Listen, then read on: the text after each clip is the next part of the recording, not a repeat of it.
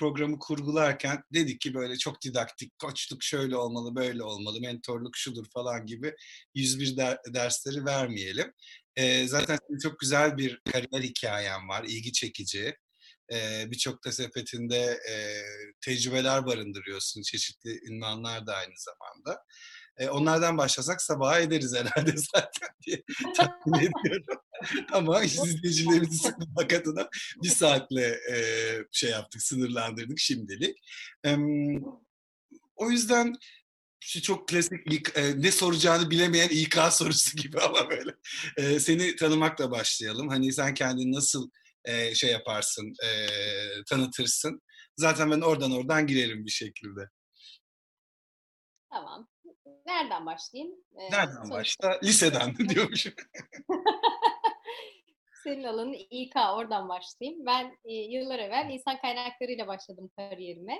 Hı hı. E, 2000 2000 99'da üniversiteden mezun oldum. Hadi oradan başlayayım. Hı hı. İngiliz edebiyatı okudum ben Boğaziçi Üniversitesi'nde.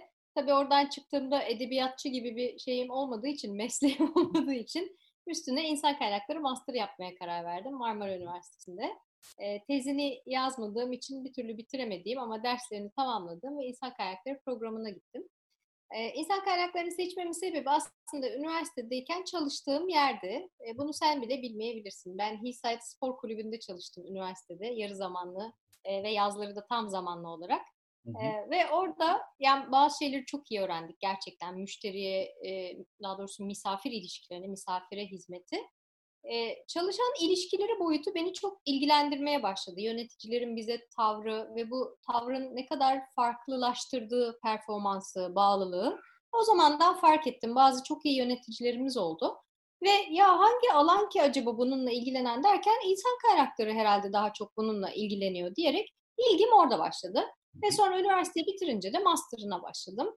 Sonra da e, önce danışmanlık şirketleriyle işte işe alım danışmanlığıyla daha sonra koç topluluğuna girişim İDEA e, insan kaynakları daha doğrusu eğitim danışmanlık şirketiydi koç topluluğunun.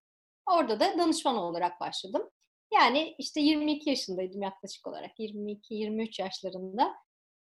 İnsan kaynakları sistemleri kuruyordum. Kurduğum sistemlerin de işte yetkinlik bazlı işe alma gibi eğitimlerini veriyordum. Ee, şimdi tabii oradan ne, ne kadar anlaşılıyor bilmiyorum ama ben işte 1.57 boyunda bayağı ufak tefek bir insanım. Zaten de küçük gösteririm yaşımda. O zaman daha Bana da küçük gelmemişti. ben, ben de sen boylu olmadığım için olabilir belki. evet. Yani böyle 22 yaşında e, müdürlerin karşısına çıkıp işte işe alımı şöyle yapacaksınız, performansı böyle yöneteceksiniz diye eğitimler veriyordum. Bir gün çok kibar bir beyefendi bir üst düzey yöneticiydi koç toplumunda. Dedi ki torunumla aynı yaştasınız. ben de böyle büyük göstermek için saçımı platin sarısı yapmışım, kemik gözlükler takıyorum ama hiç kurtaramadım.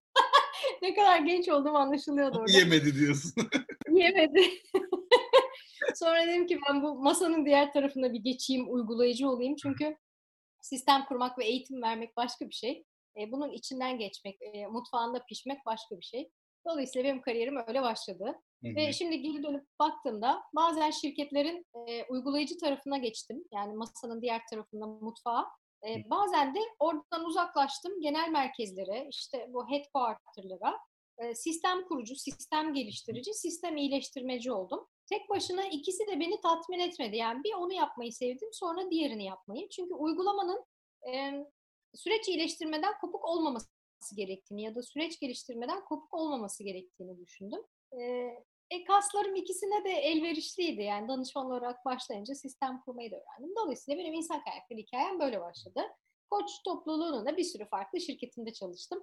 Hala kimsenin kırmadığına emin olduğum bir rekorum var. Övünerek söylüyorum. 7 ayrı şirketinde 8 ayrı rolde çalıştım ben koç topluluğunda. Ee, üstelik de... ben de takip yani, ediyordum gerçekten.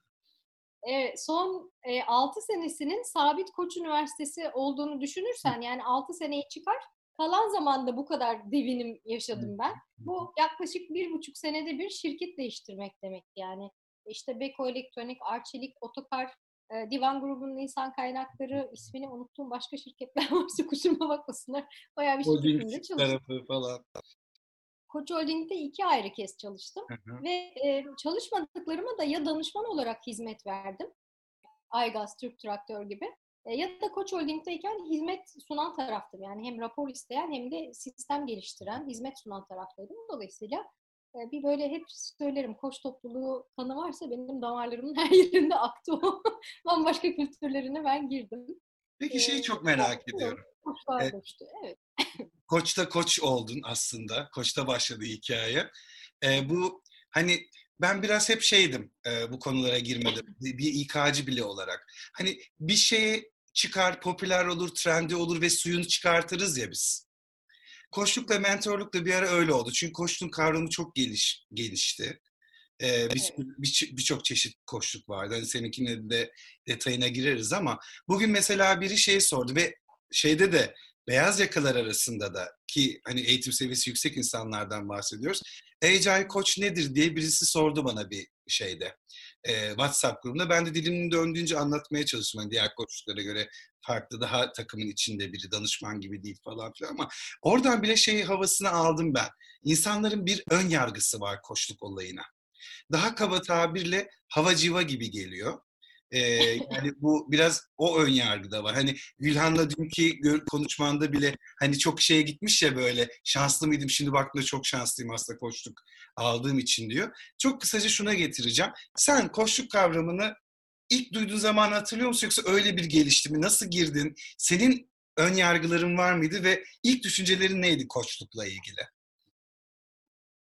Şimdi şöyle ben koçlukla çok erken tanıştım koçluk Hı-hı. alan bir kişi olarak yanlış hatırlamıyorsam 2001 senesiydi. E, düzeltiyorum. 2007 senesiydi. E, 2001'de ilk İDEA'da çalışırken sevgili Demet, Demet Uyar, e, Navitas'ın kurucusu, EMCC'nin de mentorluk çalışma grubu başkanı, Türkiye'de ICF'in kurucularından. Sevgili Demet o zaman Amerika'da koçluk eğitimleri almaya gidiyordu. Ve koçluk kelimesini ben ilk ondan duydum. İDEA'da ben insan kaynaklarında çalışırken. O da eğitim tarafındaydı daha ziyade. E, ke- kelimeyi orada duydum. Ondan yıllar sonra 2007 senesinde ben kızıma hamileyken e, bayağı da artık karnım burnumdayken kariyerimle ilgili bazı sorgulamalardan geçerken e, Demet'le bir buluştuk ve bana koçluk yaptı. Ben 2007'de ilk koçluğumu aldım e, ve kariyerimle ilgili ne yapmam gerekiyor? İşte doğum izninden döneyim mi, dönmeyeyim mi falan böyle konular. E, ilk tanışmam böyle oldu. Kendim bu konuya nerede merak sardım? E, Arçelik'te çalışırken merak saldım. Çünkü Arçelik'te üst düzey yöneticilerimize dışarıdan e, koçluk hizmeti, yönetici koçluğu hizmeti aldırıyorduk biz. Hı hı. E, ve o sırada hizmeti alan taraftım ben, satın alan ve e, uygulanan taraftaydım. E, ya buradan herhalde söylememin mahsuru yoktur. 2008 senesinde biraz da tasarruf tedbirleriyle birlikte Koç topluluğu, Koç Holding bir yazıyla şirketlerde koçluk uygulamalarını durdurdu. E, belki arkasında yanlış uygulamalar da vardı. Çok emin değilim. Gerçekten çok kurcalamadım da sebebini. E, ama o anda şunu düşündüm mesela. Ya ben koçluğun ne olduğunu galiba tam olarak bilmiyorum. Çok iyi bilmediğim için de savunamadım ben bunun ne olduğunu. Hı. Ama şunu görüyorum. Yani dünya bir tarafa giderken bizim topluluğumuzun farklı bir tarafa gitmesi de çok mantıklı değil. E ben bunu kendime şahsi mesele edindim. Ben bu işi öğreneceğim diye. Ve 2009 senesinde hakikaten işte sevgili Ersin Günör rahmetli Adler Türkiye'nin kurucusu. E, onunla bir vesileyle tanıştım. E, eğitimlerine dahil oldum. Hatta bazı podcastlerimde söyledim. Banka kredisiyle koştuk eğitim aldım o dönemde. o süper yatırım. E, mobilya almaktan daha mantıklı bence banka kredisiyle. Vallahi, vallahi öyle. Gururla söyleyebiliyorum öyle. Hani benim mal varlığım yok çok fazla ama acayip bir eğitim yatırımım evet. var kendime. Neye ihtiyacım varsa o yani doğru. Evet yani beni tatmin eden şey o. E, dolayısıyla o zamanlar tabii koçluk okulları yeni. Her şey İngilizce daha Türkçesi yok. Kredi kartına taksitler falan da yok. Böyle dolar üzerinden, euro üzerinden bütün fiyatlar. Ama en azından Amerika'ya, Kanada'ya gitmek zorunda olmadığım için mutluyum. Hı hı. E, ve ben gittim iki saat içinde kredi çektim Nakkaştepe şubesinden Koç Holding'in. E, evet. İznimi aldım. İznimi derken yıllık izinlerimi ben koçluk eğitimi için kullandım o sene ve izne çıkmadım eğitim için kullandım. Ee, ve bu şekilde ben koçluk eğitimi aldım. Hem cebimden hem üzerine faiz ödeyerek hem yıllık izinlerimi vererek. Ee, ama hani neden bunu söylüyorum? Ben geleceğine inanıyordum koçluğun ve içimde de böyle bir sezgi vardı. Hatta o eğitimi alır, alırken bu Koç Holding'de insan kaynaklarında çalışıyordum. Hı hı. Yönetim geliştirme kısmında, liderlik gelişimi kısmında. böyle bir hayalim var ya ben bu kampüste bir gün sadece koçluk yapacağım diye.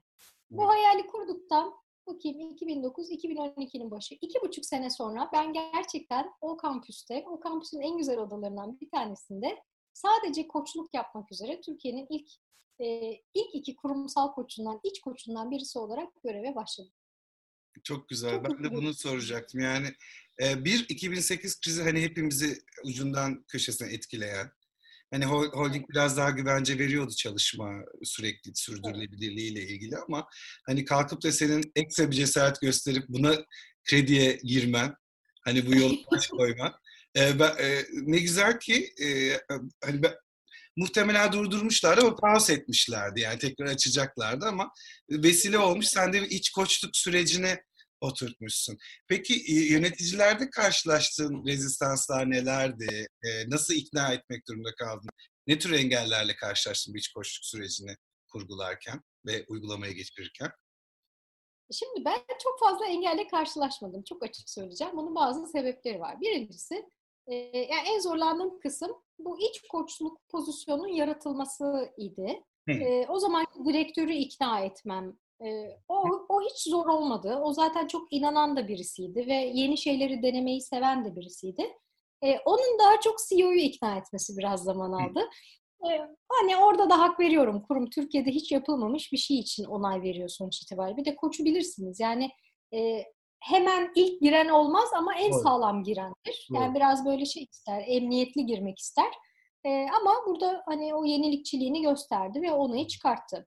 Şimdi CEO'dan onay geldikten sonra ve bana Koç Holding'de, Koç Holding insan kaynaklarının altında böyle bir görev yaratıldıktan sonra zaten geliş sebebim de belli. Yani belli bir hedef kitleye koçluk yapmak üzere geldim ben. Bu da bizim o zaman lider sensin dediğimiz yetenek yönetim programı içerisindeki potansiyeli yüksek, üst düzey yönetici adayı havuzunda olan kişilerdi. Ee, dolayısıyla yani birincisi bu kişilerin profilleri zaten öğrenmeye, gelişmeye çok açık. Yani sen vermesen bile isteyecek kişilerdi benim için bir lütuftu bu insanlarla çalışmak. Hakikaten çok parlak potansiyel yöneticilerdi. E, ikincisi tabii biraz da şey boyutu da var. Hani güç hiyerarşisi mi diyeyim? Koç Holding'den gelen bir şeye de hayır demezlerdi. Bunu, bunu merak ettim. ne kadar verdiler bilmiyorum ama Şimdi ben, hayır demediler. Ben de oradan gelen süreçleri karşılayan biriydim zamanında. Doğru holding evet. ne derse bir şekilde hep hani tamam biz de nebze demokratik bir ortam vardı. Biz de geri bildirim veriyorduk. Holding de bizim düşüncelerimize çok değer veriyordu. Çünkü saha tecrübesini aktarıyorduk biz de oraya. Ki sonuçta holdingde çoğu kişi çalışan da zaten sağdan oraya gelenler. Yani halden anlayan insanlar senin gibi. hizmet için Aynen. sonuçta. Şeyi merak ediyorum. Gerçekten holdingden tam da soracaktım. Holdingden geliyor. Yani ilk başta yöneticiler mış gibi mi katıldı dün Gülhan'ın söylediği gibi? Ee, yani ay tamam holdingden bir şey geldi katılalım mı? Şeyde mi olgunlaştılar, piştiler? Sürecin içinde mi? Nasıldı iç müşteriden gelen ilk tepkiler? Ya öyle gelen de vardı. Şimdi e, doğrudan bunu söylemiyordu ama tabii beden dilinden, tutumundan anlıyorsun. Böyle e, ilk ilk görüş bir görüşme sürüyordu. Onu da çok açıklıkla söyleyeyim. İlk görüşmeye gelirken gergin, hani biraz böyle renk vermemeye, e, kendini açmamaya, ya önce bir anlamaya çalışan bir profil vardı. E, ama ilk görüşmeden itibaren ben hem e, uzun da tuttum o görüşmeyi, keşif görüşmesi dediğim bir görüşme o. E, koçluk nedir, ne değildir, uzun uzun anlattığım, eğitimler verdiğim, üstüne e, o zaman için takip ettiğimiz ICF'in etik kodlarından mutlaka paylaştığım, yani bunun gizlilik ve güven, güvenirliğe dayalı yürüdüğünü, benim asla hiçbir yere rapor vermediğimi, vermeyeceğimi e, paylaştığım bir yer. Kendi hikayemi paylaştığım bir yer. Hikaye paylaşımı da aslında güven yaratıyor karşı tarafta. Ve ikinci görüşmeden sonra böyle geri geri ayağa giden kimse olmadı ya da olduysa da ben hissetmedim. Ben öyle bir şey vermedim, kondurmadım. Ama büyük çoğunluğu e, çok açık geldi. Yani bunu zaten şirketlerinden talep ediyorlardı koçluk almayı. Hani kö, e, ne derler? Allah verdi. Neydi? Kör istedi bir göz Allah verdi. Allah verdi. İstedikleri şeyi buldular gibi oldu. Ve çok açıktı. Pek çoğu çok açıktı. Hassas bir soru soracağım. E, bu sadece bu konuştuğumuz kurumlar e, değil birçok kurumda da yanaşıyordu. Bir ara şöyle bir ön yargı oluşmuştu. Yahu adama koştuk e, veriyoruz. Gidiyor firmada. çünkü hani iç koçun yani biraz da o challenge kısmını sorgulamak istedim. Ben böyle normal serbest çalışan bir koç kadar rahat yanaşabiliyor muydunuz iç müşteriye? Çünkü evet. bir kısmında şey de var ya hayallerini gerçekleşme, bizim bugünkü konumuz kendini gerçekleşme, sınırları zorlama. E bu evet. e, o sınırları zorlamak bazen şirketin dışına da çıkmayı e, gerektiriyor. E, ama şirket de veriyor sana bunu yatırım için sonuçta hayrına vermiyor. E, o, o dengeyi nasıl sağlıyordunuz? Şimdi bu benim en büyük korkumdu Bülent. Yani o koltuğa oturduğum anda Allah dedim ya birileri ayrılmak isterse ben bunun hesabını nasıl vereceğim? Bir de zaten özenle seçilmişler üzerine yatırım yapılan kişiler. en büyük korkum buydu. Ama bir taraftan da eğer böyle bir olasılık varsa bunun kısa sürede olması hem o kişinin faydasına hem kurumun faydasına yani zararın neresinden dönülse kardır sonuçta. Herkes mutlu olsun, herkes geleceğe gitsin diye. İlk sene ben bundan korktum açıkçası. Ve istatistiklerinde tuttum ne yalan söyleyeyim. o sene içinde ilk sene 35 kişiye koştuk yaptım ben. İşten ayrılan sadece bir kişi oldu. O da ikinci görüşmenin sonunda ayrıldı. Çok özel bir sebebi vardı. Ailesi yurt dışında yaşıyordu. Ha, Çok uzakta bir ülkede yaşıyordu. O burada kariyerine devam etmek için burada kalmıştı ama eşini çocuklarını çok özlüyordu. Ve o değerleri keşfettiği, kendini keşfettiği görüşmenin sonunda ben ailemle olmak istiyorum dedi ve gitti. Ve dışarıdan yani uzaktan, o uzak bir kıtadan şirketine dışarıdan danışman gibi destek vermeye de devam etti. Hı hı. Onun dışında açıkçası hani ayrılan neredeyse hiç olmadı. Hatta beni şaşırtan şey şu oldu. Kişilerin bağlılıkları arttı. Benim kurumum bana bu yatırımı yapıyor. Onların içinden pek çoğu daha sonra koçluk eğitimlerini alıp iç evet, koç haline geldi. Çünkü ben iç koçluk sistemi de kurdum. Sadece kendim koçluk yapmadım. Ve bu onlara daha bir anlam verdi, doyum verdi, motivasyon verdi. Kendilerini sürekli geliştirme imkanı verdi. Ee, ben de ilk eğitimlere gideceğim zaman e, eğitime gitmek istediğimde hani bana o görevi açan direktör değil ondan bir önceki direktör e, o bana demişti ki hayrola Evrim Hanım işten ayrılmayı mı düşünüyorsunuz? Koçluk eğitimi alacaksınız demiş. ben hala bunu anlatırken diyorum ki bakın ben hala koç çalışanıyım. Koç Üniversitesi evet, öğretim görevlisiyim. Ben kurumdan hala ayrılmadım. Hala destek veriyorum. Hala içindeyim ve hala kurumun e, dönüşmesi için, gelişmesi için destek oluyorum. Yani benim öyle bir niyetim yoktu gerçekten. Evet. Ama olan var mıydı? Hiç ayrılan olmadı mı? Şimdi yaklaşık ben 80 kişiye koştuk yaptım. Bir de içeride 105 tane profesyonel nitelikte yani profesyonel koç düzeyinde iç koç yetiştirdik biz. Gönüllü çapraz koçluk yapmak üzere. Bu kişilerin içinden de toplasak herhalde 20 kişi falan toplamda ayrılmıştır. Ya bu, bu arada bir şey söyleyeyim mi? Ee, bu benim katıldığım bir düşünce tarzı değil. Sadece içerideki endişeyi evet. yansıtıyorum, duyduğum. Ee, yoksa bu sebeple ayrılacaksa zaten hani e, daha olsan duramazsın önünde. Herkesin evet. hani, e, farklı, yani sadece koşluk sebebiyle ayrılıyorsa Olamaz böyle bir sebep olamaz zaten hani koşku. Yani mutlaka arkasında farklı şeyler vardır. Bugün ayrılmasa e, bir sene sonra ayrılacak. Belki o süreç içerisinde mutsuz olduğu için sisteme faydalı olamayacak ne yazık ki. Kendine faydalı olamayacak. Belki uzun vadede iki taraf için de kazanç. İç koçluğu şöyle iki soru... Vakit kaybı, evet. Bir şey eklemek isterim yalnız burada ben. İç koçlukla iç koçluğun arasında bence tek fark yani hani gizlilik vesaire bunlarda hiçbir fark yok. Tek bir fark var. İlk başta yaptığımız bir e, kontrat vardır bizim. ilişki kontratı vardır. E, kurumun sponsorluğunda, kurumun sağladığı bir koçluk olduğu için derim ki bizim ilişkimiz yani işten ayrılmaya karar verebilirsin bu koçluğun sonunda. Ben buna engel olamam yani içeriden öyle bir bilgi çıkmış olabilir. Hı hı. E, ama normalde dışarıdan koçluk veren kişi bilmiyorum belki onlar için de doğru değil kurumun sponsorluğunda ama Gelip de bana farklı alternatifler neler olabilir? İşte nasıl iş bulabilirim? Bir de benim insan kaynakları geçmişim de olduğu için bu risk vardı bana bunu danışmaları. Ben bu konuda koştuk yapmam. Bu konu kırmızı çizgidir yani buradan öteye geçmem diye ilk baştan anlaşmayı yaptım. Hiç de başıma gelmedi yani ben ayrılmak istiyorum acaba nereye gideyim diye soran da hiç olmadı. Sorun buydu yani bu kadar olur üstüne cevap verdin. Ağzından o soru çıkmak üzereydi. İkinci evet. soru e, ben şimdi üniversitede de bu ortamdan kopmadın kendine bağımsız bir şirket yönettiğin için e, birçok evet. Arçelik'i de e, koçu e, örnek alan da firma olmuştur. İç koçluk gelişti mi diğer firmalarda da? Çok benchmark'a gelen de olmuştur. Nasıl şu anda durum iç koçlukta? Valla Başak oradan el sağlıyor. e, çok daha ötesine taşıdılar. Yani böyle e, et, evet. arkadan nasıl diyeyim imrenerek izlediğim çok güzel uygulamalar var. İşte Atı bunlardan bir tanesi. LCY2 muazzam şeyler yapıyor. E, Tofaş daha yeni global ödül aldı EMCC'den. Çok, çok güzel uygulamaları var gerçekten.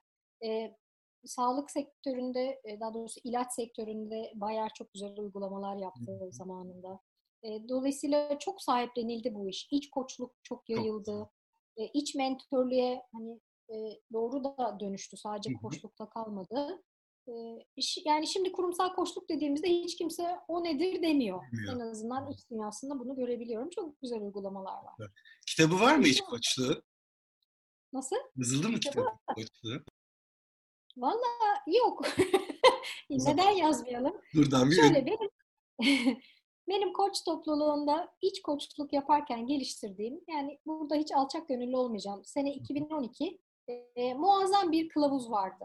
Daha sonra zaten bütün şeye yayıldı o. E, insan kaynakları ve koçluk camiasına yayıldı. Ben çok farklı yerlerden maalesef o kılavuzu e, gördüm, karşılaştım. Anonim olmuş artık. Ne derler? Anonim mi derler artık? Loyalty olmuş. Evet, yani bir sistem nasıl kurulur? Koçluk sistemi, işte prosedürleri, formları değerlendirmesi, ölçmesi, raporlaması. İçeride ben bir de yapılandırdım. Çünkü e, bunu koçlar için yapmamıştım, onu da itiraf edeyim. Şimdi ben aynı anda eş zamanlı 35-40 kişiye koçluk yapmaya başladım. Düşünebiliyor musun? Günde 4 seans, bazen 5 seans, 1,5 saatten. E, ve ben bu şekilde iki buçuk sene boyunca sürekli koçluk yaptım. Saatlerim tabii çok hızlı ilerledi. Çok hızlı kilometre yaptım. Ünvanlarımı çok hızlı aldım bu sayede.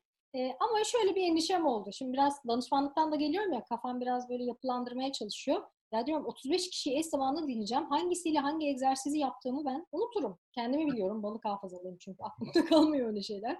Not tutamıyorum. Not tutarsam karşı tarafı dinleyemiyorum. İşitsel bir insanım. İyisi mi dedim. Ben böyle kendi içimde bir model yaratayım. Birinci görüşme, keşif görüşmesinde şunlar olsun. İkinci görüşmede işte e, taraflar masaya otursunlar, yöneticisi, insan kaynakları hep birlikte gelişim hedeflerini birlikte belirleyelim falan. Böyle 12 görüşmelik kendimce bir yapı oluşturdum. Ve bu 35-40 kişiyle bir sene boyunca ben bunu deneyimledim. Ve baktım ki aa çok güzel çalışıyor. İkinci sene biz iç koçlarımızı yetiştirmeye başladık. İç koçlarımız tabii bir koçluk okulundan aldılar eğitimleri ama burada koç olanlar biliyordur. Koçluk okulları size koçluk görüşmesini nasıl yapacağınızı öğretiyor. Bir koçluk programını nasıl dizayn edeceğinizi, nasıl yürüteceğinizi öğretmiyor. Onların da uzmanlığı değil. Dolayısıyla e, böyle bir kaygı oldu. Nereden başlayacağız? Keşif görüşmesi nasıl olacak? Bir dakika dedim, sakin olun. Benim elimde böyle bir kılavuz var. İsterseniz kullanabilirsiniz. Ve ben öyle açtım. Bayıldılar kılavuza. Ve bir baktım bu koç topluluğunun koçluk modeli haline dönüştü. İç koçlar da bu yapıyı takip ettiler ve bu görüşme silsilesini takip ettiler. Ben onlara eğitimler verdim işte. Yani koçluk becerileri üzerine bizim koçluk modülümüz bu şekilde, modelimiz böyle yürütülüyor diye. Eğitimler yetmedi. Dediler ki çok güzeldi ama o zaman öyle kayıt almak falan yok. Sen bize bir de bunun kılavuzunu, manuelini yazsan. Baya işte hani o eğitimcinin eğitimi modunda ben oturdum. Görüşme bir. Şöyle başlardı. Sarı sayfalara bastırdım onları. Yani sana anlatamam. Oradan öyle bir şey çıktı ki e, kitap olarak istesem bastırabilirim ama Koç Holding'deydim ve Koç Holding'in e, e, nasıl diyeyim intellectual property'si, onun sermayesi. o yüzden de ben kitap olarak basmadım ve onlara hediye ettim. Çok güzel. Ee, peki şimdi Z kuşağı bangır bangır geliyor bilen yıllar. İşte iki seneye üniversiteden mezun oluyorlar ama biz X kuşağı olarak hep şeydik ya çoğu e, katılımcımız da muhtemelen X kuşağında. E, hep her yenilikte göçebe olduk ya, uyum sağladık, yönettik değişimi ya da uyduk. Ama Y kuşağı içine doğdu. Mesela kuşaklar arasındaki o farkı algılayabiliyor musun? Mesela e, koçluk onlar için daha mı default olmaya başladı mesela Y kuşağı en azından? Genç arkadaşlarda neler görüyorsun? E, nasıl yaklaşımları koçluk konularına? E, bir de Şimdi, üniversitedesin yani yakından gözlemliyorsundur da. Yani Y'leri çok farklı görmüyorum. İtiraf Öyle edeyim ki. Ee, yani onlar sonuçta Y, Z arasında ne kadar? Yani Y ile X arasında ne var? Hani 10 yıl var. 10 yılda eğitim sisteminde çok büyük bir değişiklik olmadı bana sorarsan.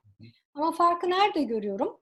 E, onun da ötesi belki Z kuşağı denen kuşakta ben lisans öğrencilerine çok fazla e, ders yapmadım. Sadece Hı. üniversitenin ilk 2-3 senesinde yaptım. Ve oraya gelen öğrencilere e, Change Making in Action, sosyal girişimcilik ve değişim yaratma, sosyal değişim yaratma üzerine dersler verdim. E, oraya gelen öğrenciler çok da özel öğrencilerdi. Seçmeli bir ders. Hani zaten toplumda değişim yaratmayı hedefleyen tipleri düşün yani. acayip acayip bakıyordum ya benim dersime niye geliyor ki bunlar? Hepsi böyle dahi seviyesinde çocuklar. E, onlar beni çok şaşırttılar Bülent. Şimdi e, dersin en başında hani koçluk eğitimlerinde de öyledir ya kontrat yaparız, ilişki kontratı yaparız ne olsun diye. Arkada böyle kocaman bir şey var, e, pano var yazıyorum. Ya ben böyle bir kontrat görmedim hayatımda. Bir kere kontrat yapmak neredeyse bir saat sürdü. Şu olsun, şu olsun, bu olmasın diye. Kurumsal eğitimlerde söz meclisten dışarı kontrat yaparken ne olsun deriz? İşte samimiyet olsun, güven olsun, gizlilik olsun. Beş maddede biter ya. Ya hiç yoksa 50 madde yazdık biz oraya. Maddelerden bir tanesini söyleyeceğim. Dediler ki hata yaptığımızda birbirimizi alkışlayalım, yargılamayalım. Vay be. Ve ben o gün dedim ki o çok farklı bir kuşak geliyor. Hata yaptığında yargılamayan ve birbirini alkışlayan ve hatadan öğrenmek isteyen bir kuşak geliyor. Ben o gün ülkem adına, ülkemin geleceği adına müthiş e, umutlandım ve gururlandım Bülent. Evet. Tabii ben bunu anlattığımda bazı başka üniversite hocaları diyor ki siz çok şanslısınız hocam. Koç Üniversitesi gibi bir yerde hani krem dolu krem en iyi öğrencilerle evet öyle bir şansım var. Ben en iyisini görüyorum. En iyilerini görüyorum. Ee, ama bu umut umutkar olmama engel değil. Müthiş bir kuşak geliyor. Kesinlikle. Ee, bu hem Evrim Kur'an'ın kitabını okuduğumda hem de kendisiyle de bir sohbet gerçekleştirdik iki hafta önce. Yani konu oraya geldi. Z kuşağı zaten artık katılımcı ve e, bir hikayenin partisi olmak istiyorlar. Hikaye dinlemek istiyorlar. Didaktizmden hoşlanmıyorlar. Ve e, dediğin gibi daha sosyal girişimciler. Yani çok vahim çünkü yüzde sekiz bir sosyal girişime katkı var Türkiye'de. Dünyanın çok altında. Ki hak veriyorum yani şimdi bir sürü maddi dertlere düşmüşüz toplum olarak. Bu Z kuşağı deyince hepsi de beyaz yaka helikopter annelerin babaların çocukları değil ki. Adam şey de topluyor e, eskicilik de yapıyor. Ne, neydi o işte çöpten e, karton da toplayan Z kuşağı var baktığında. Dolayısıyla evet. ama hani hepsinin ortak özelliği anlatacak bir dertleri var. Hikayeleri var. Hiç kolay bir zaman değil ama harbiden bana da çok umut aşılıyorlar. Her seviye, hangi fraksiyonun, hangi politik görüşten olursa olsunlar daha liberaller öyle söyleyeyim. Bu arada e, başlangıçta 3-4 kişiydik söyledim ama çok güzel hanımlar, yakışıklı beyler görüyorum videosu açık. E, lütfen e, sormak istediğiniz ya da aranızda mutlaka koçlar var e, evrimin de tanıdığı. İpek Hanım'ı görüyorum, Tuğba'yı görüyorum, öpüyorum onları. E, lütfen siz de yorumlarınızı iletin. Çok değerli. Böyle şey güzel bir şey yaratalım. E, farklı görüşler. Evrim hatalısın diyen de olabilir. Değil mi? Açığız yani bunlara. Bülent çok biraz Alıştık gençlerden. Ne olursunuz evet. siz de katılın. Her zaman girebilirsiniz. Evet. Ben yoksa evet. devam edeceğim. Ee... Ben, bir dakika Bülent. Lafı evet. ağzına tıkadım ama evet. başlamışken paylaşmak istediğim bazı şeyler var. Evet. Bir tanesi mesela yani gururla paylaşacağım şeyler. Bir tanesi bu sosyal girişimcilik dersindeki bazı öğrencilerim. Anadolu burs yerleriydi bazıları mesela. Yani Anadolu'nun bir yerinde keşfedilmişler parlak beyin olarak ve hayırsever e, bursiyerlerin kaynaklarıyla e, e, müthiş okuyorlar. İşte onlardan bir tanesi sosyal medyada gururla takip ediyorum. E, tıp okudu, doktor oldu ve bir taraftan da e, sağlık sektörüne sağlık cihazları geliştiriyor. Yani inovasyonla e, ve bunu bir girişime dönüştürdü. Sosyal girişime dönüştürdü. Hakkında yani mı? Paylaşmanız sakınca var mı? İsmi soyitimi hakkında mı paylaşmada sakınca? Şey var, şey var. E, soyadını hatırlamıyorum tamam. sevgili Şevval. Dinlerse dinliyorsa. Anadolu bursiyerleri konusu benim çok gözlerimi yaşartan bir şey. Biraz anlatsana nedir Anadolu bursiyerleri bilmeyenler için? Anadolu Bursiyerleri Koç Üniversitesi'nin her yıl e, uyguladığı bir program. Dediğim gibi Anadolu'nun en zeki yani zeki ve çalışkan öğrencilerini e, ve okumak isteyen öğrencilerini. Ama gelir seviyesi e, çok düşük ailelerden gelenler bunlar aynı zamanda. Evet gelir seviyesi düşük yani bursla okumak e, ihtiyacında olan öğrencileri okullardaki rehber öğretmenler kanalıyla buluyor, e, tespit ediyor ve onlara burs imkanı sağlıyor. E, Koç Üniversitesi'nde tamamı tamamen burslu bir şekilde okuyorlar. E, ve yani oldukça fazla sayıda öğrenci Anadolu bursiyeri olarak ve bu tabii ki bursu e, siz de bir mesela bursiyer olabilirsiniz, düzenli bağış yapabilirsiniz. Anadolu bursiyerlerine her yıl bu öğrencilerin seçilip okunmasına e, destek olabilirsiniz. E, sonrasında da işte böyle gururla izliyoruz. Böyle bir öğrencim vardı mesela. Çok e, bir diğeri onun da ismini verebilirim yani. Lütfen. Hepsi birbirinden kıymetliydi. Hepsi çok tatlılardan. Bazıları özellikle aklımda kaldı. E, İlker diye bir öğrencim vardı. İzler belki. E, ya o, onunla tanışmak, onunla çalışmak şey gibiydi. E, Elon Musk'la sanki. Onun gençliğiyle tanışmak gibiydi. Hedefleri var, hayalleri var. Zaten yazılımcı, bilgisayar mühendisi. Daha o yaşında şirketi kurmuş, yatırım almış falan Türkiye'de. Ama diyor ki ya bu hani burası bize yetmeyecek galiba. E, MBA yaparken tanışmıştım onunla. E, biz San Francisco'ya gideceğiz ve atladılar e, üç arkadaş. Gittiler San Francisco'ya. Orada Silicon Valley'de şirketlerini kurdular. Teknokent'te destek aldılar. E, aynı odada uyudular falan böyle çok zor dönemleri atlattılar. Ama şunu gururla söyleyebilirim. Galiba 2 veya 3 yıl önceydi. 30 yaş altındaki en iyi 30 startup kurucusundan bir tanesi seçildi Amerika'da. Kadar, ve yani evet o kurdukları şey girişim yatırım aldı ve çok başarılı oldu. Hakikaten şimdi kendini gerçekleştirmek ya konu. E, ben bayılıyorum yani böyle kişilerle çalışmaya sadece böyle olması gerekmiyor ama kendi cevherini açığa çıkaran kişilerin hikayelerine şahitlik etmek bana göre hayatın en büyük lütfu. Aynen. Coğrafya kadar değildir derler ya gerçekten ezber bozan yani adam e, dediğin gibi e, ya da hanımefendi Anadolu'nun bir şehrinden çıkıyor bir şekilde o şansı da oluyor belki hani o bir fark edilmenin ve diyorsun ki bir tanesi doktor olmuştu, bir cihaz geliştiriyor, direkt San Francisco'ya gidiyor, geliyor. Ee, çok değerli. Evet. Bir de e, bayağı da oldu galiba. Benim bildiğim bir, ben zaten 4 sene önce gruptan ayrıldım. Bir 8-9 senesi oldu değil mi Bursiyer? Yani içinden başarı hikayeleri de yaratmaya başladı. Bu çok değerli, haber değeri de olan bir şey yani. Hani başka evet. haber değeri şu anlamda söylüyorum. Örnek olabilmesi açısından. Evet, evet. Bu insan, bu çocuklar da yeni gençlere el verecek ileride birkaç sene sonra. Belki vermeye başladılar bile. Evet, ben onları bir hikayeme şey yapayım bari. Şimdi aklıma geldi. Evet ya niye sen de bak başka hazır hikayeleri. sohbet. Aynen öyle. Çok sev, güzel olur. Ee, ne, ee, peki iç koçluğundan e, konuştuk. Hani sormak isteyen ya da e, fikir belirtmek isteyen varsa e, girebilir. E, bu üniversitede e, bu şeyin amacı ne? Çok kısa hani e, çoğu kişi koştun ne demek onu zaten biliyor da e, işletme enstitüsünde ne yapıyorsun? Amaç ne?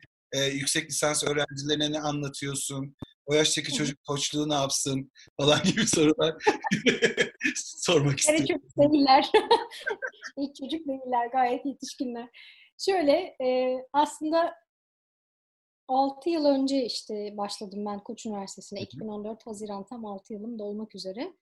Ee, aslında Koç Holding'de yaptığım işim yöneticilere koçluk.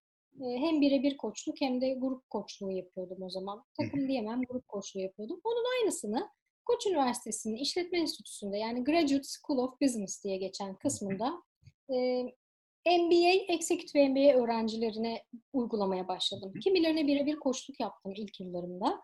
E, şu an ağırlıklı olarak Executive MBA, MBA ve Finans Master öğrencilerine Coaching for Leadership diye bir program yapıyorum ben. 9 ay sürüyor. Ayda bir defa 3 saatliğine bir araya geliyoruz.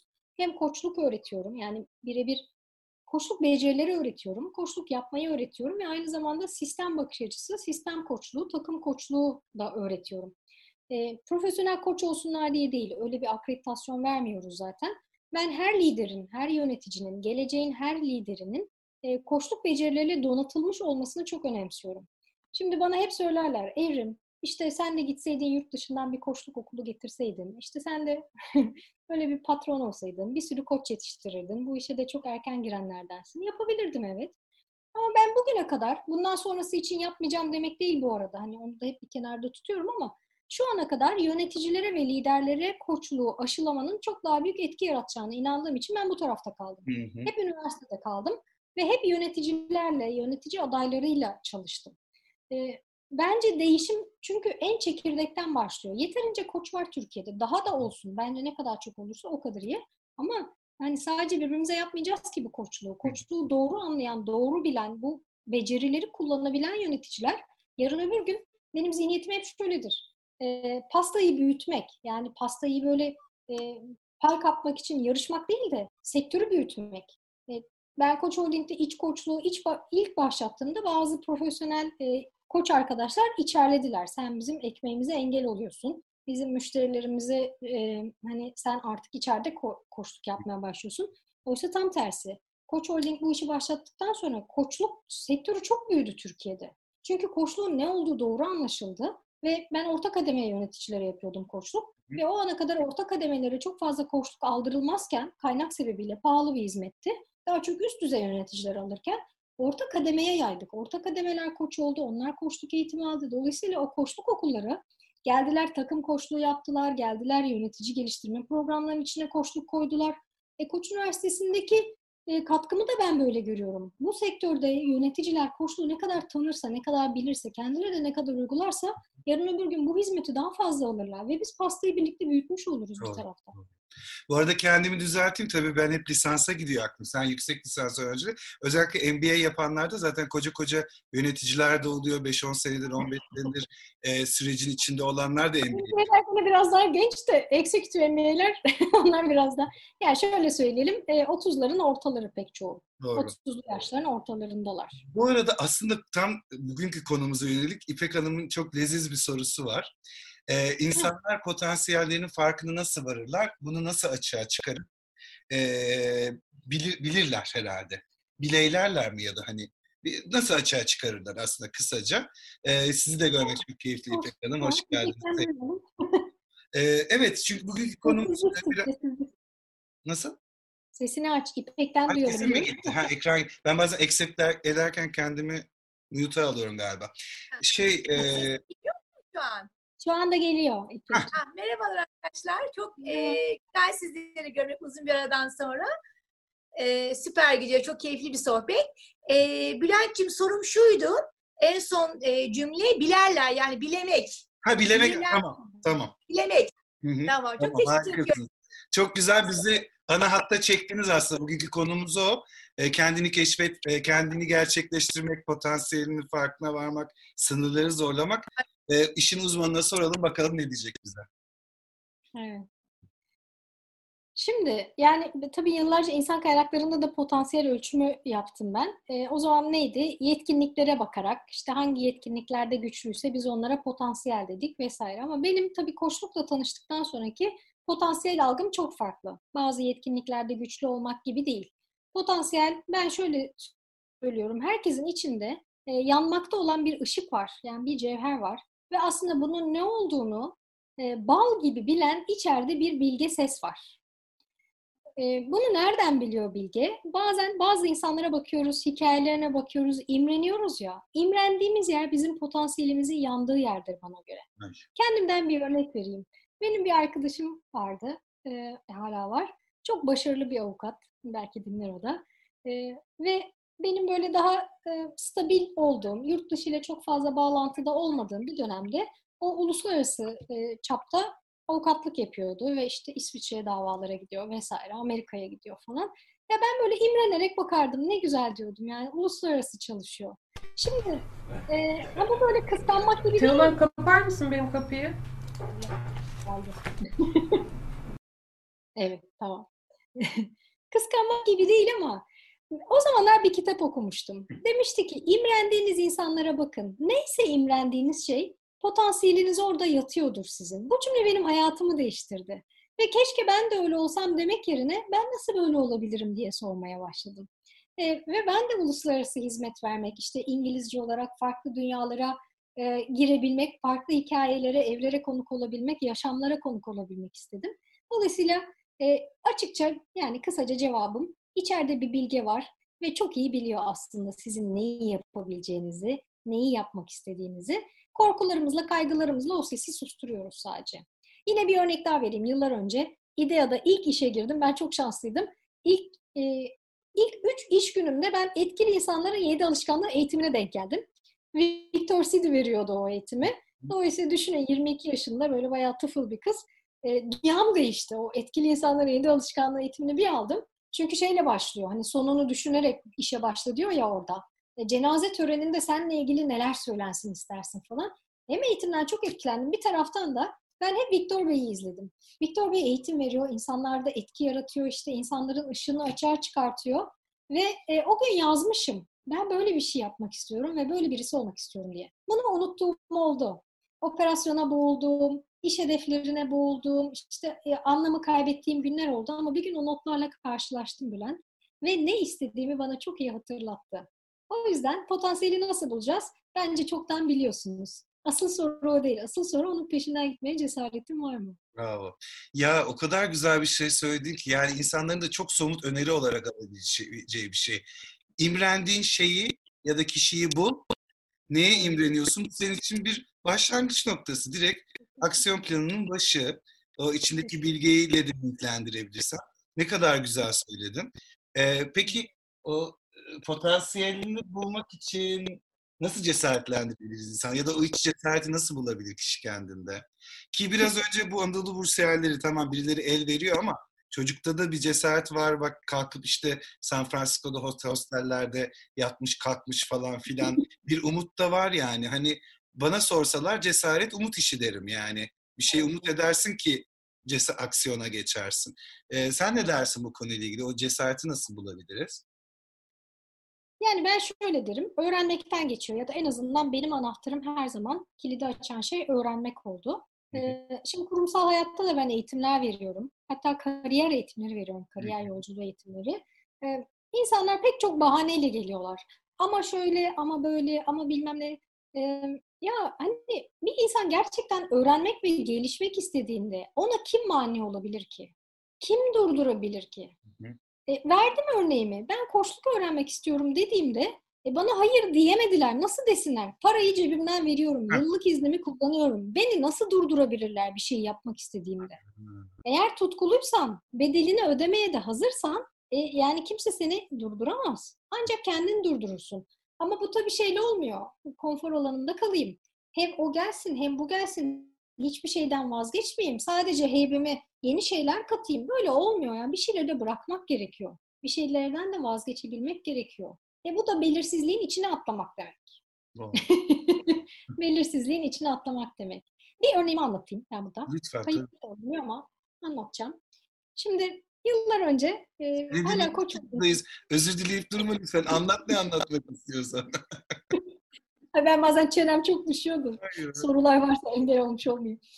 Ee, şöyle, yıllar önce Koç Holding'deki artık e, son günlerim, hissediyorum son günler olduğunu. Çünkü içeriden bir şey beni dürtmeye başladı. Evrim diyor, etkini daha fazla yayabilirsin. Koç topluluğunun ötesine de geçebilirsin. Böyle bir şeyler dürter ya, dürttü. Ee, ve hani organizasyonel bir takım değişiklikler oldu. Pek de hani ben mutlu da olmadım, itiraf edeyim. Bir takım böyle rahatsızlıklarım da oldu. Ve bir gün e, işe gitmedim ben. İzin aldım. Sabah erkenden 6 buçuk falandı. O zamanlar Suadiye'de oturuyorum. Sabah yürüyüşe çıktım. Sahilde yürüyeceğim. E, henüz daha hava aydınlanmamış. Yani böyle nasıl diyeyim alacakaranlık gibi. E, yürüyüşe çıktım. Çok etkiler bu hikaye beni. Bir taraftan deli gibi korkuyorum. Yani hep ayrılmak istiyorum. Hem de korkuyorum. Yani nasıl geçineceğim? İşte çocuğumun okul taksitleri var, bilmem neleri var falan. Hepimizin yaşadığı şeyler. Hı hı. E, gittim. Bir banka oturdum ben. Bankta oturduğum yerde e, bir kadın geldi. Yere biriktirdiği e, ekmekleri ufalamış, kuru ekmekleri böyle kocaman bir torbayı attı. Hı. Ve bir anda kuşlar uçuştu o ekmeklere. E, o ekmekleri hep e, martılar ve güvercinler yedi. Martılar yedi pardon, güvercinler de kapamadı. Ve ben içimden dedim ki ya bak martılar doydu, güvercinler aç kaldı. Ve o sırada bakın yani çok acayip bir andı. Arkamda böyle e, acı bir fren sesiyle bir araba durdu. E, bu e, Anadolu tipli bir arabaydı tamam mı? Eski, arkası böyle hatchback bir araba. Bir adam çıktı arabadan. Elinde bir paket bulgurla çıktı. Bakın sabahın altı buçuğundan bahsediyorum. Bir paket bulgur. Açtı bulguru ve önümde ayaklarımın önüne döktü bulguru. Ve bütün güvercinler doydu. Ve ben o gün anladım ki Sen yürü Evrim aç kalmazsın. ee, hani rızkını veriyor Allah. Doğru. Ve ben ondan sonra Koç Üniversitesi'ne evet dedim ve üniversiteye geçtim. Yani aynı şey mi? Değil. Tabii ki aynı haklarla geçmedim. Ee, daha yarı zamanlı çalışıyorum. Daha büyük risk aldım. Ama gene de e, hiç çok da iyiydi tabii ki de. Orada bir desteği vardı. Başka ee, hayat bana işaretler gönderiyor. Bu böyle deneyimler yaşatarak aslında seninle konuşuyor hayat. Kesinlikle. Ee, birkaç ay, yani yılı olmadı değil mi? Ee, yılı da olmak üzere Londra'ya taşındın. Çok sıkı gidiyorsun tabii. Ee, bir yıl üzere 11 ayda, 11. aydayım. Ne, ne kadar girebildin orada kendi uzmanlıklarına bilmiyorum ama mutlaka gözlemleme, araştırma fırsatın olmuştur. Neler var trend olarak sizin e, alanınızda? Neler farklı yapılıyor? Hiç gözlemleme fırsatın oldu mu koçlukta, mentorlukta? Evet, şöyle tabii ki e, zaten EMCC kanalıyla burada e, İngiltere ve Avrupa ha, doğru, zaten bağlantıdasınız. Temas'ta olduğum için hı hı. E, yani EMCC Türkiye Başkanlığı bölüm sebebiyle ben konsey üyesiyim farklı ülke başkanlarıyla bir arada. Burada İngiltere'nin de bir takım etkinliklerine katılma fırsatım oldu. E, şunu söyleyebilirim. E, bizden çok daha iyi yaptıkları bir şey var. E, biz çok iyi uygulayıcıyız. Yani Türkiye'deki koçlar ve mentorlar müthiş koçluk, mentorluk yapıyorlar.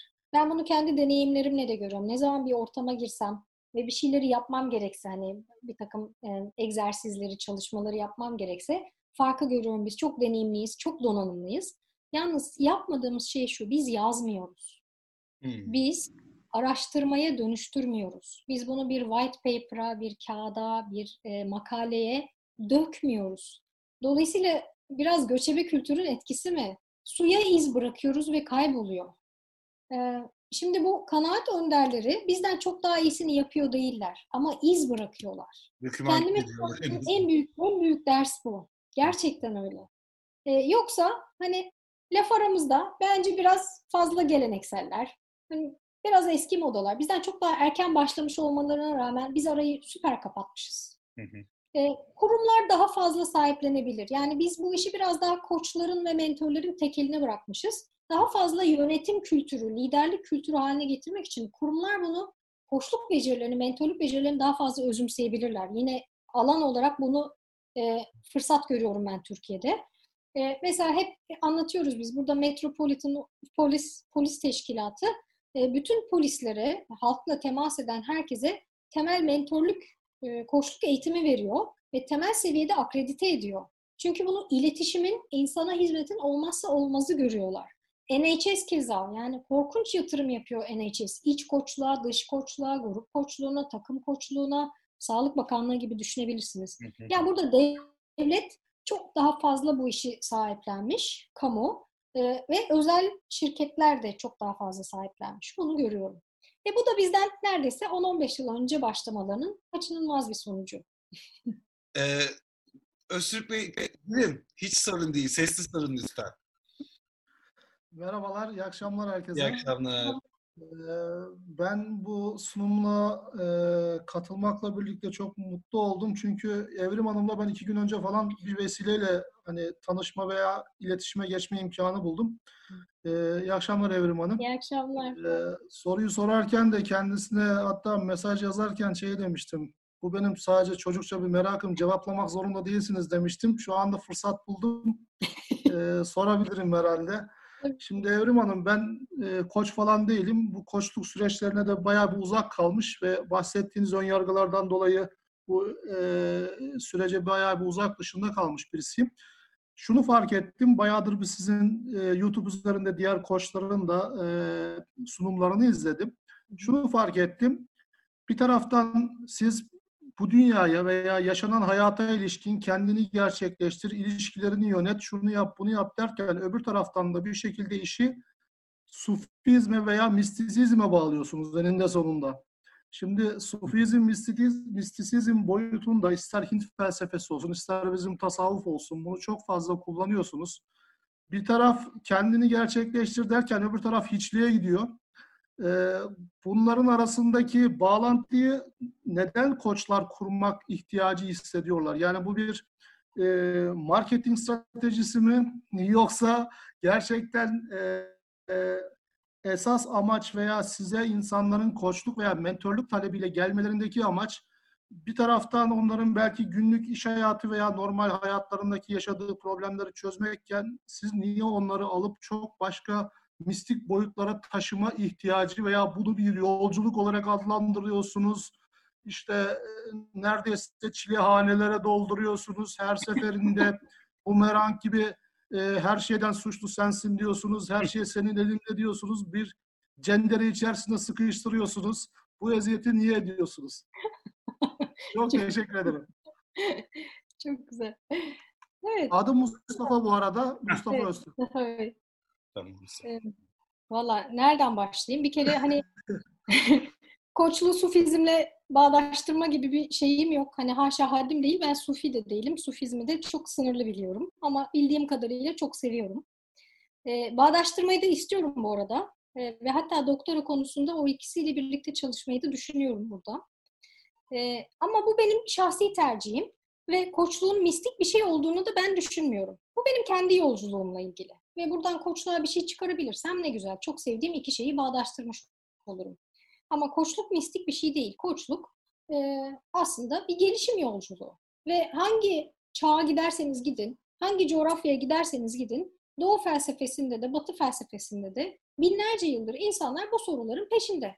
Ben kimim? Kim olmak istiyorum? Kendini tanımaya çalışıyor insan dediğimiz. Çünkü hani e, nereden bakarsanız bakın işte içimizde anlam arayan bir tarafımız var. İstesek de istemesek de böyle bir tarafımız var. Kimi ruh der, kimisi nefs der, kimi başka bir şey der.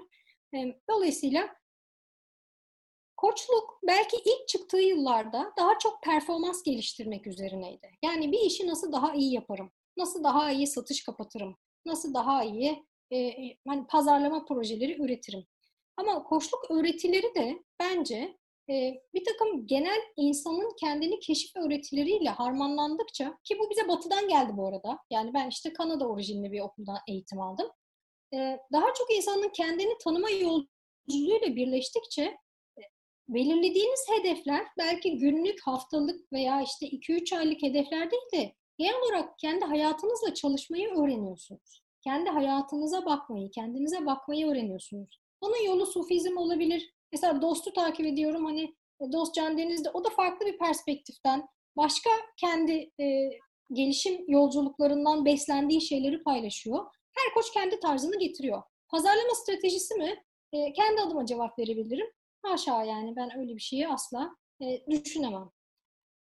E, Cendere'ye niye sokuyorsak o soruyu kendime hep sorup duruyorum Mustafa Bey. Hani rahat rahat oturmak varken Niye kendimi bu cenderelere sokuyorum ben? Vallahi bilmiyorum ama işte hep daha derine gitmek, hep daha fazla bilmek, kendini gerçekleştirmek dediğim tabii hadi hiçliğe de bağlayalım. Kendini gerçekleştirmek aslında hiçlik, hakikat yolculuğunda gerekli bir şey. Sana verileni olduğu haliyle kullanabilmek ama bunu yaparken kendini aradan çekebilmek. Çünkü gerçekleştirdiğimiz potansiyel kendi potansiyelimiz değil ki. Ama bakın bunu Koçluk Derneği Başkanı olarak söylemiyorum. Bunu kendi inancımla evrim olarak söylüyorum. Yaratımın potansiyeline vesile oluyoruz. Kişisel fikrim bu. Ama koçluk bunu öğretmiyor. Lütfen yanlış anlaşılmasın. Ee, çok ufak benim de bir eklemem olsun. Ee, çok sağ ol Evrim. Aslında sen de tabii ki bir insan kızı olarak e, içsel yolculuk yaşıyorsun kendi içinde. Yani bunu batıdan aldım, uyguladım falan şey değil.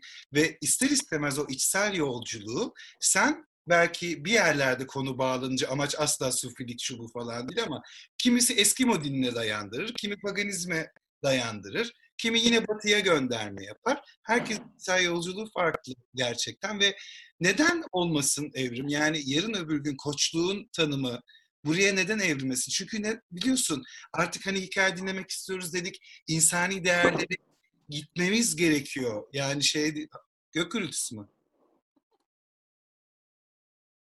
Şey mi gitti? Havai Oo tamam. Ee, yani belki bir süre sonra buna da değişebilir. Hani bugünlerde hep pandemiden dolayı konu yine oraya geliyor ama psikolojik sermaye çok önemli dedik. İnsanlara daha çok yatırım yapmaları gerekecek. insanların ruhsal ve fiziksel sağlığına. Çünkü anladık ki canımız ya ölürsek hiçbir şeyin önemi yok. Ne süreç yöneticiliğimizi, ne koştuğumuzu, önce bir canımızı kurtaracağız. Önce bir kafa sağlığımız yerinde olacak ki üretmeye, e, paylaşmaya devam edelim.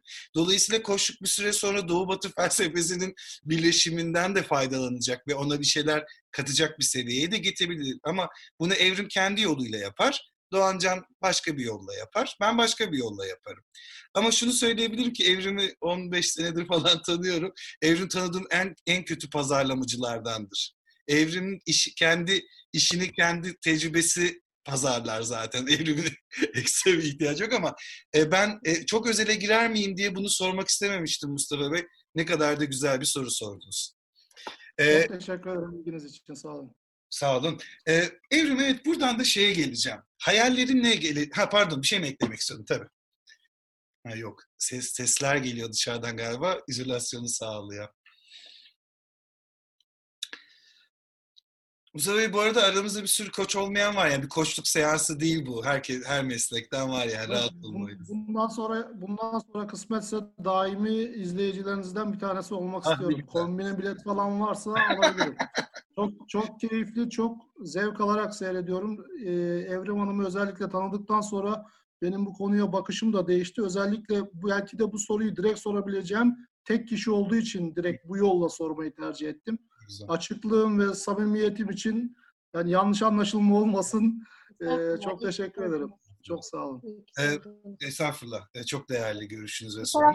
Bakın bu konu konuşulurken de havai fişekler patlıyor. Yani World Intelligence diye bir kavram vardır. Sistem koçluğunda öğretirler. Tabii. Dünyanın zekası ya da evrenin zekası. Bir şeyleri Siz... kutluyoruz. Gündüz vakti bakın günlük güneşlik birileri havai fişek patlıyor burada. evet. Ee, bir, aynen öyle değişmiyor. Burada da silahlar patlıyor bayramda falan yani. bir şeyler patlatıyor. Kusuyoruz demek ki. Bugün de değil yani ama anlamadım neden. Şeyi getireceğim Evrim. Mesleğinle ilgili, kişisel yolculuğunla ilgili paylaşabildiğin kadarıyla tabii çok özele girme koşuluyla. Gelecek hayallerin neler? Nereye taşımak istiyorsun? Ne yapmak istiyorsun? Birçok şeyi başardın. Gerçekten bunu hani hiç mütevazi olma e, çok mesleğinin de zorundasın belki de ama bir sürü de bitmiyor bizim. Hala öğrencisin. Sen de bir sürü şey öğreniyorsun. Hepimiz öyle. Ama nereye gitmek istiyorsun? Neler yapmak istiyorsun? Biraz anlatır mısın? Yani hiç düşündün mü ya da bunu? Yani şöyle hani içimden gelen bir e, istek var. Hedef gibi değil, hayal gibi değil ama e, bunu çok koç da söylüyor Türkiye'deki. Bunu tek düşünen, isteyen, arzu eden ben değilim. Belki benden önce yapanlar da var. Ama e, bazı videolarımda söyledim. Ben hep batıya gittim. Batı öğretisiyle öğrenmeye çalıştım. Benim karşıma hep Mevlana e, dizeleri çıktı her seferinde. E, ve e, evet yani batıdan öğreneyim ama bizim topraklarımızda muazzam bir şey var.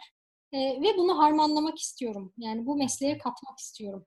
Bu böyle bir şey yapmak, bir şey başarmak değil. Ama ben öğrenmek istiyorum. Çünkü kendim de çok iyi bilmiyorum. Hı hı. O anlamda kendimi de eleştiriyorum. İngiliz edebiyatı mezunuyum ben. Yani düşünün Batı'yı öğrenmişim. Ee, ama Doğu'nun en azından Anadolu'nun kültürünü daha iyi öğrenmek istiyorum. Çünkü buradan çıktı bazı şeyler. Yunus'tan çıktı, Mevlana'dan çıktı, Bektaşilikten çıktı. Ee, bağları bir yerde kopartmışız. Ben o bağların peşine düşmek istiyorum. Hedefim bu yani, hayalim bu. Zaten ismi koçluk olmadan ön yüzyıllar önce bu insanlar bunu yapıyorlardı zaten. Yani hani e, usta çırak kalfa e, bu to, batı, zaten doğuda medeniyetin beşi oradan batı aldı, özümsedi. Tekrar bize geri dön pasladı işte. Çok haklısın. Yani mentor arıyorsak Akşemseddin'den öte bir mentor yok ki bizim e, bizim hikayemizde.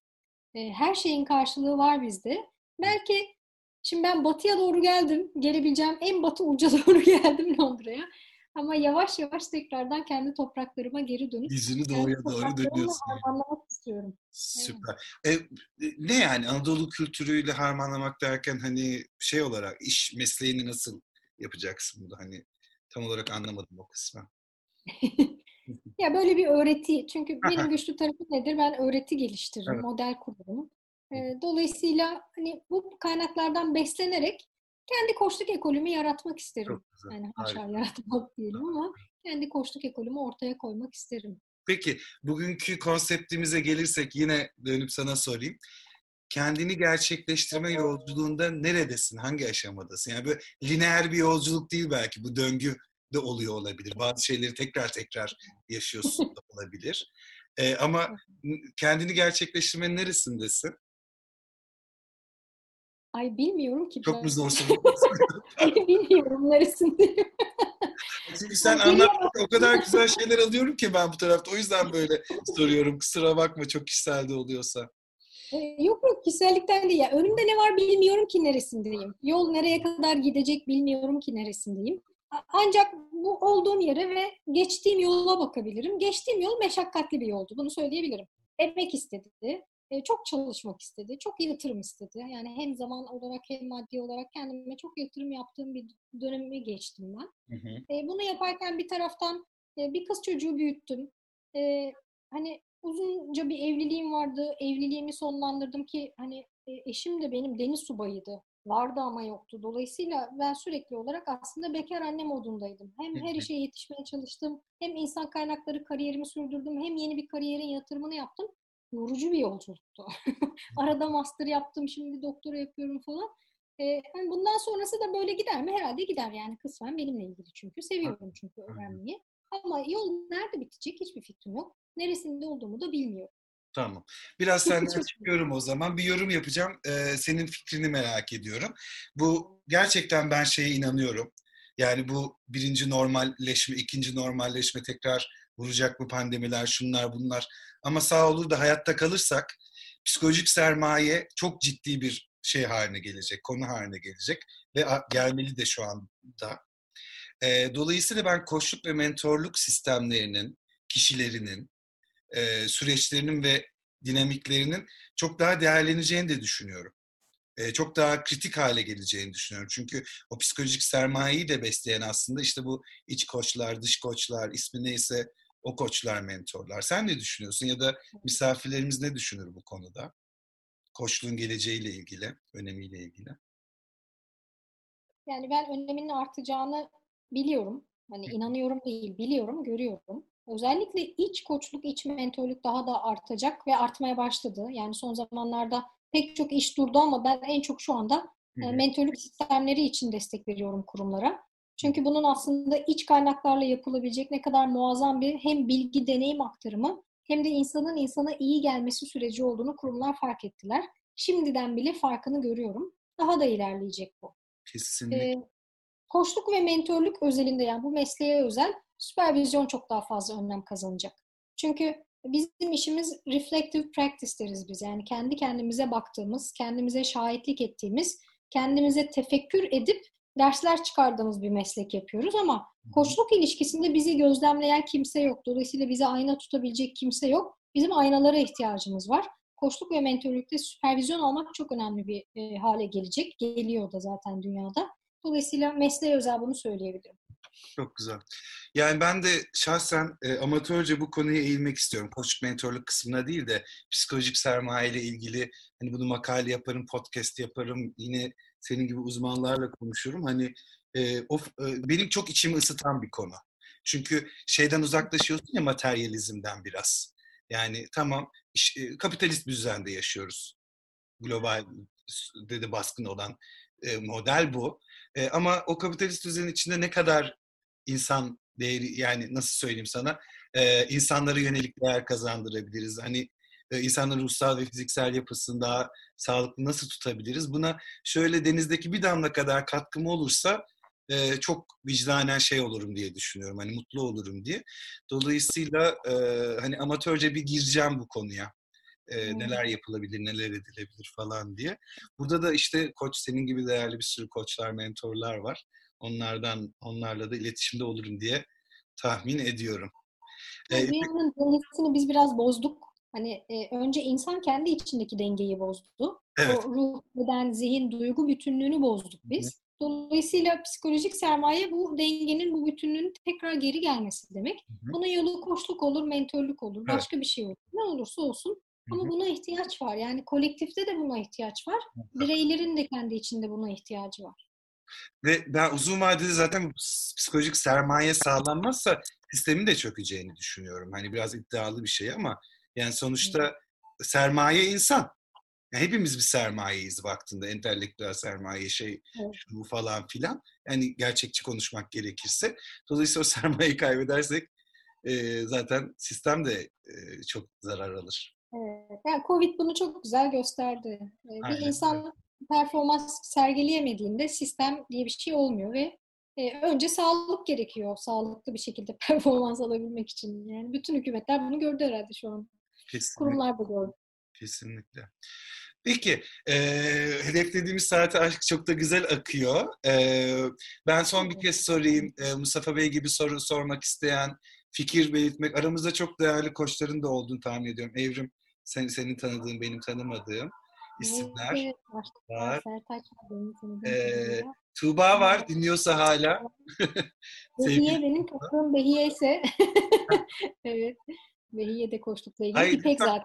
Evet, Tabii Mustafa Bey. Bir sorun var, hakkınız vardı ama neyse hadi ikinciyi de buyurun tabii ki.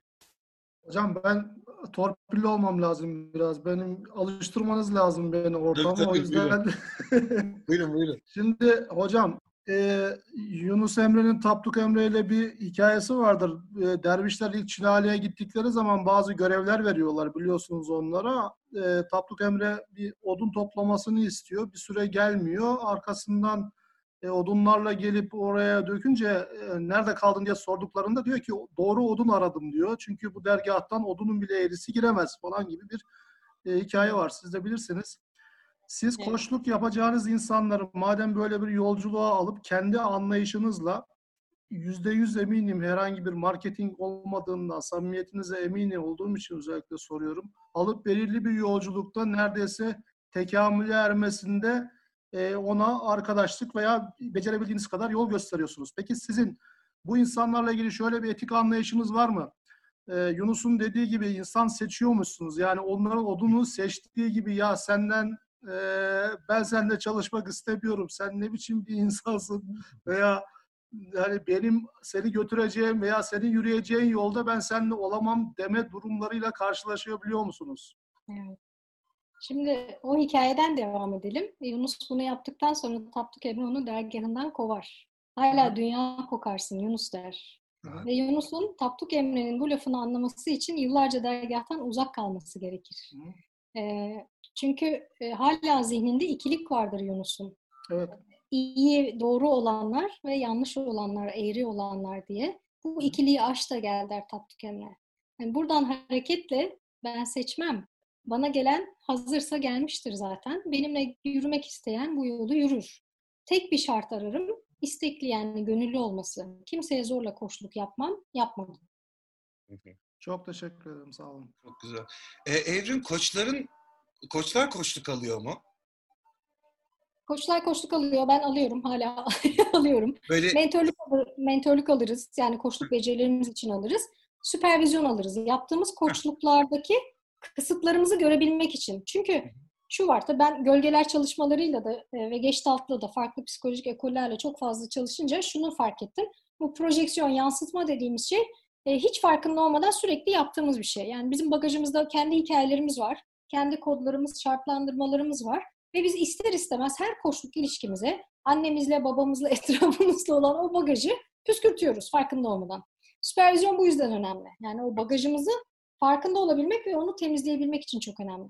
Ama her şeyde süpervizyon değil. Ben koçluk alıyor muyum? Alıyorum. E, hatta koçluk eğitimini yeni alan, çok fazla kilometresi olmayan arkadaşlardan almayı çok seviyorum. Hmm. Hem benim üzerinde denesinler, hem çok idealist oluyorlar. Hem e, ne bileyim böyle e, öğrenme şevki. E, ben de kendimi çok güvende hissediyorum. Yani nasıl olsa onlar süreci tutuyorlar ve ben kendimi bırakıyorum. Ben koçluk almayı çok seviyorum. Çok e, çok övünerek söyleyebilirim. Pek çok insan ICF'den işte akredite olmak için ses kaydı alırken benden ses kaydı aldı. ICF global beni tanıyordur ya o kadar çok ses kaydı verdim ki ben. Hiç fırsatı kaçırmam. Yani koçluk yapmak isteyen hiç kimseye hayır demedim bugüne kadar. Ee, çok keyif alırım koçluk almaktan. Harika. E, Başak Hanım söz almak istemiş. E, ne olursunuz buyurun. Tabii dinliyoruz zevkle. Teşekkür ederim Bülent Bey. Sağ olun. Ee, ben Evrimcim'le herhalde 2011-2012 yıllarıydı. Koç Holding'de çalışırken e, tanıştım. Şöyle tanıştım. E, ben de Türkiye'nin kurum içi üçüncü koçuyum. Evrim ve Banu'dan sonra diyeyim. E, benchmark'a gitmiştim e, evrimle. Duydum, öğrendim. Bu yola da baş koymuş bir insan olarak. Kim yaptı bu işi Türkiye'de ve nasıl yaptı diye. E, o günden beri evrim benim hayatımda hakikaten anlamlı bir figür oldu. Çok da takdirle izlediğim. Çünkü son derece paylaşımcı, son derece açık gönüllü, e, hayata ve insana katkı sağlama isteği e, çok yüksek olan e, ve hayat bize birçok yerde kesiştirdi. Çok da e, şükrandayım bunun için. Birçok eğitimler vesaireler olsun. O yüzden her zamanki dinginliğini, bu iş zekasını ve samimiyetini, kendi olma halini çok takdir ediyorum. Bizim koçluk yetkinliklerinden de biridir efendim böyle takdir etmek. İçimde çok rezone etti. Dedim ben de bir konuşayım. Harikasınız. Yani işte bir insanı e, e, e, tanımlayan şeyleri birkaç kişi belki çok ufak kelime farklıyla aynısını söylüyorsa siz de bugün muhtemelen ya Evrim'den ya benim tanıtımımdan görmüşsünüzdür sohbetin duyurusunu. Evet. O kadar aynı şeyleri söylemişiz ki Evrim'le ilgili. Bu zaten işte neyse o yani. Demek ki herkese aynı. Yani şey, ne, ne derler? Nabza göre şerbet dağıtmıyor. Ee, çok güzel e, duymak. Takdir etmek çok güzeldir. Ben çok severim. E, takdir edilmekten belki daha da çok severim. Bazen böyle derler aman neye acısın. Hayır ya ne takdir bizim daha çok takdir etmeye ihtiyacımız var. Bizde biraz şey bir kültürde vardır ya söyleyelim söylemeyelim şımarmasın falan. Fırsat buldukça takdir edeceğiz tabii insanları. Çok sağ olun Bakı Hanım. Siz de sağ olun. Sağ ol Evrim. Eklemek istediğiniz güzel tecrübelerinizden şeyler var mı anlattığınız? Hani e, siz şu anda aktif koçluk yapıyor musunuz? Daha çok yapıyorum. Yapıyorum. Kurum Bunlar içinde. varsa dinleriz yani. Bugün de bir koçluk görüşmesinden çıkıp geldi. Daha doğrusu ben de evrim gibi o katkıyı nasıl büyütebiliriz aslında ve bu tamamen e, gerçekten e, ya hayata hayattan birçok şey almış şanslı bir kesimden olduğunu düşünüyorum. Yani eğitim olsun, sosyokültürel vesaire olsun. Onları tekrar nasıl benim kadar şanslı olmayan e, insanlarla da paylaşabilirim. Bir ego, bir e, şey gözetmeksizin kendini de tanıma yolculuğu. Bu anlamda çok benzetiyorum evrimle geçtiğimiz süreçleri. Mustafa Beyciğim sadece tasavvuf değil tabii ama benim de yolum e, işte metafizik başladım yok oradan bambaşka şeyler falan filan derken hakikaten tasavvuf felsefesinin çok böyle rahatlattığını beni gerçekten tabirime hoş görün e, gazıma aldığını fark edip ben de bu yolda giderken hem kendimi fark ediyorum hem de naçizane koçluk yaparken e, danışan arkadaşlar üzerinden aslında e, kendimle ilgili de bir sürü eşsiz farkındalığa sahip oluyorum. En çok da bunu seviyorum aslında. Aslında psikologlar için falan da denir ya hani kendini e, rehabilite etmek, kendini anlamak için bu yola girmişlerdir. Belki bizde de var öyle bir çekim bilmiyorum şahsen. Benim adıma e, var. Onu doya doya yaşıyorum. Ne mutlu diyorum. Süper. Ee, Başak Hanım e, söz alma isteğini söylemeden önce sen gençlerden de çok öğreniyorum demiştin ya evde. Ee, orada şey geldi aklıma. Çok cahilce soruyorum. Ben gerçekten belki koşuk konusunda en az bilgisi olan İK uzmanlarından biriyimdir Türkiye'de. Ee, yani şey anlamda. Ya tabii ki bir fikrim var da uzmanlık anlamında. Ee, tersine mentorluk e, kavramı koştuğun neresinde, mentorluğun neresinde e, yapıyor musun ya da bunu ya, ya, sen yapmıyorsundur da tabii. Yani alıyor musun ya da bunları insanlara öneriyor musunuz gençlerden tersine mentorluk olayı? Biraz da o kavramda yavaş yavaş kapatalım. Evet, yani tabii ki öneriyoruz. Ben kendi mesleğimde de tersine mentorluk sistemleri kuruyorum kurumlara. Bu sistemlerin geliştirilmesinde destek oluyorum. Ee, kendim de işte genç koçlarla ve de e, üniversitedeki daha genç öğrencilerimle temasta kalarak aslında e, gündemi takip etmiş oluyorum. Hı hı. E, şimdi bu çok önemli çünkü bilgelik e, yer değiştirdi. Yani sadece deneyimle değil artık bilgelik. Yani bu şeyle birlikte internet, sosyal e, medya, bilginin bu kadar açık, erişilebilir olmasıyla birlikte e, bilgelik tersine doğru yön değiştirdi.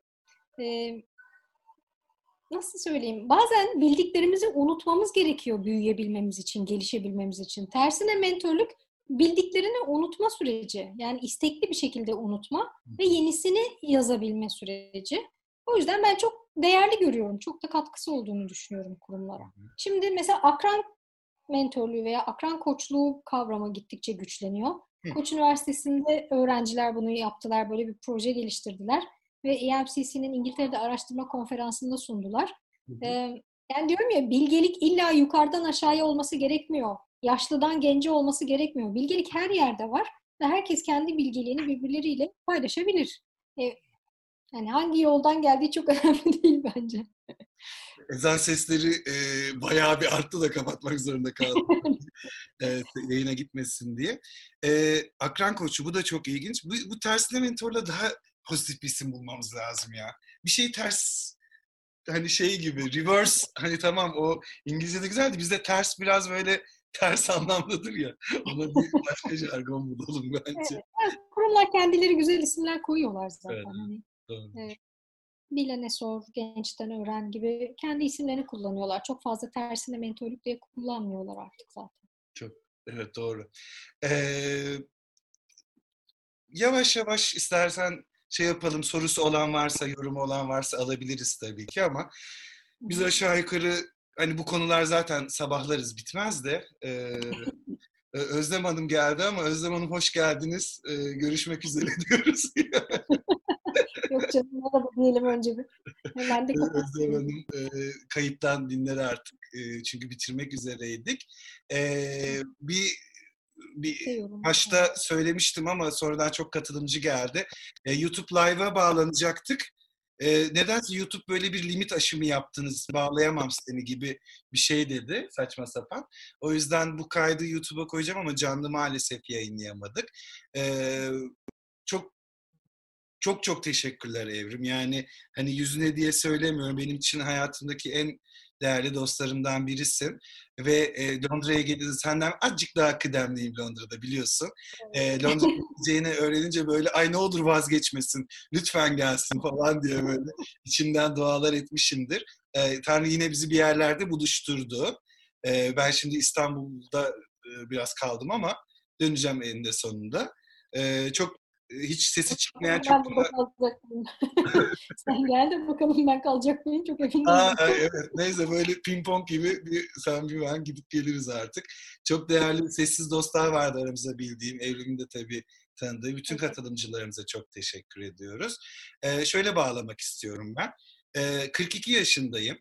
Ee, ilk defa yayınını dinleyenler için. Hani şimdi çok şey oldu ya popüler oldu ya böyle şeyini çıkardık biraz herkes sohbet yapıyor falan diye.